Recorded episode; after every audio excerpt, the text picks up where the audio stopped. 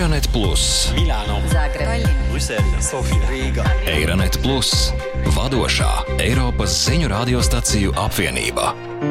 Saprast Eiropu labāk! Esiet sveicināti! Arī šogad tiekamies Euronet Plus Green Deal jeb zaļā kursa podkāstu sērijā. Šajā podkāstā kopā ar kolēģiem no Eiropas aplūkojam to, kā mēs, Eiropieši, varam ietekmēt tā dēvēto zaļo pāreju, ko Eiropas Savienība ir uzsākusi. Šoreiz runāsim par renovāciju. Mājas atjaunošana, lai padarītu to energoefektīvāku, ir liels ieguvums klimatam un arī jūsu maciņam. Vai zinājāt, ka būvniecības nozare veido 40% no visa Eiropas enerģijas patēriņa?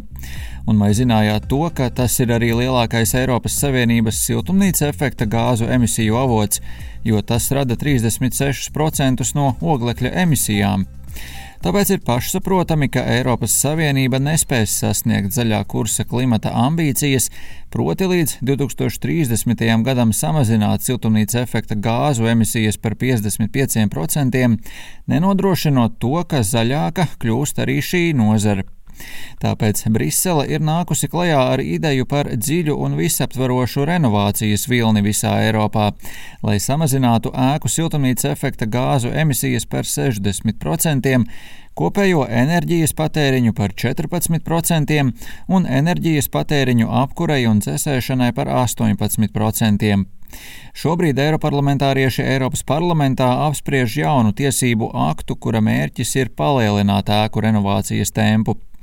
Un tā kā ir sagaidāms, ka 2050. gadā aptuveni 90% mūsdienu ēku joprojām būs lietošanā, nav nekādu iespēju izvairīties no šī darba, ja vēlamies mainīt virzienu, kurā mēs dodamies.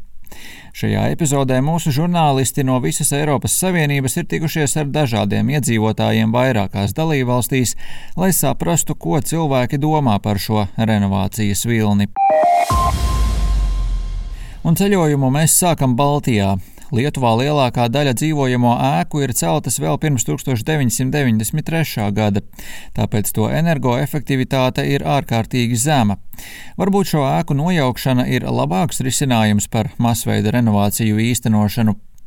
Doktors Josis Beļskis no Viļņas Universitātes ēku enerģētikas katedras skaidro, kāpēc tas lielākajā daļā gadījumu tomēr nav piemērotākais un ilgtspējīgākais risinājums. Griauti namą, ja jis yra, kaip sakyti, dar gali tarnauti pakankamai ilgai. Māju, kuru vēl var izmantot saprātīgu laiku, piemēram, vēl 20 vai pat 50 gadus, tiešām nav vērts nojaukt.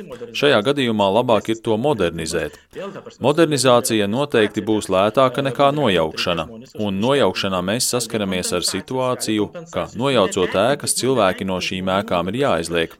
Viņiem var būt nepieciešama kompensācija, un viņi var nebūt apmierināti ar šo kompensāciju. Viņi nevarēs iegādāties līdzīga līmeņa mājokli. Tas ir viens no galvenajiem jautājumiem. Bet principā katrs gadījums ir jāskata atsevišķi pēc savas būtības. Ja ir patiešām sliktas kvalitātes ēka, tāda, kas nav eksploatējama, kas jau ir bīstama un apdraud veselību, tad jā, šādas ēkas būtu jāizvērtē un iespējams pat jānojauc. Galbūt, ta prasme, ir modernizuoti ir Pēc Beļska domām renovācijas vilnis Eiropā tikai tagad sāk uzņemt apgriezienus, ko neapšaubāmi veicina pašreizējā enerģētikas krīze.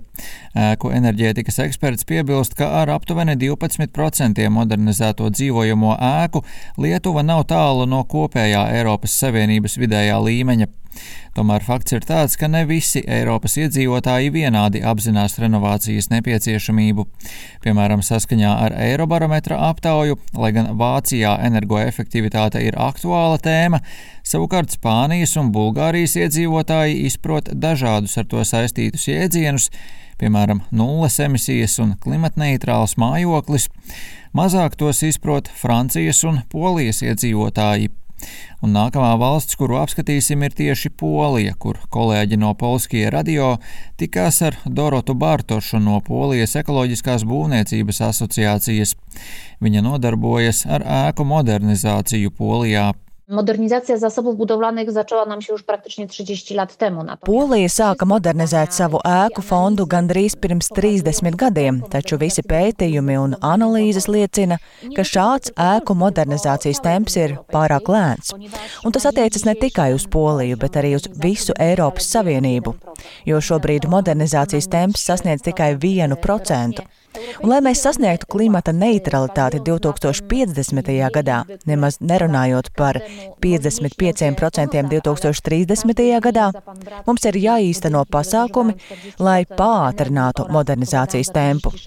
Stingrākas prasības un viedokļi liecina, ka modernizācijai būtu jānotiek ar ātrumu vismaz 3% gadā. Tomēr neatkarīgi no tā, vai tā ir Polija vai Spānija, Lietuva vai Beļģija, pat tad, kad cilvēki vēlas atjaunot savas mājas, viņi saskaras ar virkni šķēršļu, kuru vidū ir finansiāli, administratīvi vai sociāli klupšanas akmeņi. Sāksim ar naudu. Ir skaidrs, ka ne visi var atļauties nepieciešamos lielos ieguldījumus. Taču Dubravka Španiča, pašvaldības darbiniece Pakracā, Horvātijā, kura ir modernizējusi savu māju un uz jumta uzstādījusi saules paneļus, uzsver, ka galu galā tie atmaksājas. Budući da evo godina dana je prošla od kad smo proizvođači i korisnici vlastite energije. Pagājušajā gadā bijām gan paši savas elektroenerģijas ražotāji, gan lietotāji, un jāsaka, ka šogad līdz šim neesam maksājuši par elektroenerģiju, kas parasti iepriekš tika iegūta no elektrības piegādātāja. Tas nozīmē, ka neesam patērējuši elektrību no elektrotīkla, esam pietiekami saražojuši paši. Esam ļoti apmierināti, nemaz nerunājot par to, ka ietekme ir ārkārtīgi liela. Ir jauka sajūta gozēties saulē, kad esam ārā un ieslēgt gaisa kondicionieri, plīti un boileri, kad esam mājā, un zināt, ka tas neko nemaksā. Patiesībā mēs izbaudām sauli. Koliko trošite, to je jedna divna stvar. Cilvēkus var atturēt arī birokrātija, piemēram, ja tiek pieprasītas atļaujas vai aizdevumi. Lietuvā administratīvie šķēršļi un skepse pret modernizāciju ievērojami kavē procesu, saka doktors Beļskis. Pirmas, gal aš tik tai, kaip sakyti, išreišiu gal dvi esminės tokias, aš manyčiau, tokias. Es domāju, ka galvenās problēmas ir administratīvas. Piemēram, varbūt cilvēki vēlētos saņemt lielāku kompensāciju no valsts. Tas ir viens elements. Otra lieta - kā pārliecināt cilvēkus. Ja cilvēki to vēlas, cilvēki to vēlas un modernizācija notiks. Bet, ja viņi to nevēlas, valsts un pilsēta viņus patiešām īpaši nespiež. Jā, ir arī citas problēmas. Izmaksas, investīciju projekti šķiet pārāk dārgi un pārāk lieli. Varbūt pat dažādi padzirdēti stāsti, kas mudina cilvēkus nevēlēties renovēt. Piemēram, mēs redzējām daudz nekvalitatīvas būvniecības. Vai domas, ka būvniecību var atlikt uz citu laiku. Tomēr par spīti šim visam modernizācija ir nepieciešama. Visbeidzot, cilvēkus var atbaidīt mazāki klupšanas akmeņi, kaimiņu nevēlēšanās iesaistīties, uzticama un izdevīga būvnieka atrašana, būvdarbu nekārtība un iespējams pat nepieciešamība meklēt citu dzīves vietu, kamēr darbs tiek veikts. Tas, vai esat gatavs pārvarēt šos šķēršļus, daļēji būs atkarīgs no tā, vai esat mājas īpašnieks vai īrnieks. Māju īpašnieki parasti ir motivētāki. Tāpat kā maisaimniecības ar augstākiem ienākumiem un maisaimniecības ar bērniem. Visbeidzot, cilvēki, kas dzīvo lauku apvidos, atšķirībā no pilsētniekiem, šķiet ir gatavāki veikt renovāciju. Šķiet, ka pilsētnieku galvenā motivācija ir trokšņu samazināšana. Eiropas Savienības 2020. gada renovācijas viļņa teksts tika izstrādāts, lai novērstu dažus no šiem klupšanas akmeņiem, kas attur iedzīvotājus no renovācijas darbu veikšanas. Viens no veidiem, kā atvieglot slogu, ir izveidot vienas pieturas aģentūras. Citiem vārdiem sakot, starpniekus, kas var palīdzēt īpašniekiem plānot savas ēkas atjaunošanu un pavadīt tos visā renovācijas procesā. Vēl viens Eiropas Savienības īstenotais ceļš ir finansiāla atbalsta sniegšana, tostarp atvieglotais finansējums un nodokļu atvieglojumi. Dānija jau ir uzņēmusies iniciatīvu šajā jomā. Iniciatīvu, ko intervijā atzinīgi novērtēja Vācijas enerģētikas aģentūras pārstāvis Dirks Mobas. Ar viņu sarunājās kolēģi no Vācijas raidorganizācijas AMS.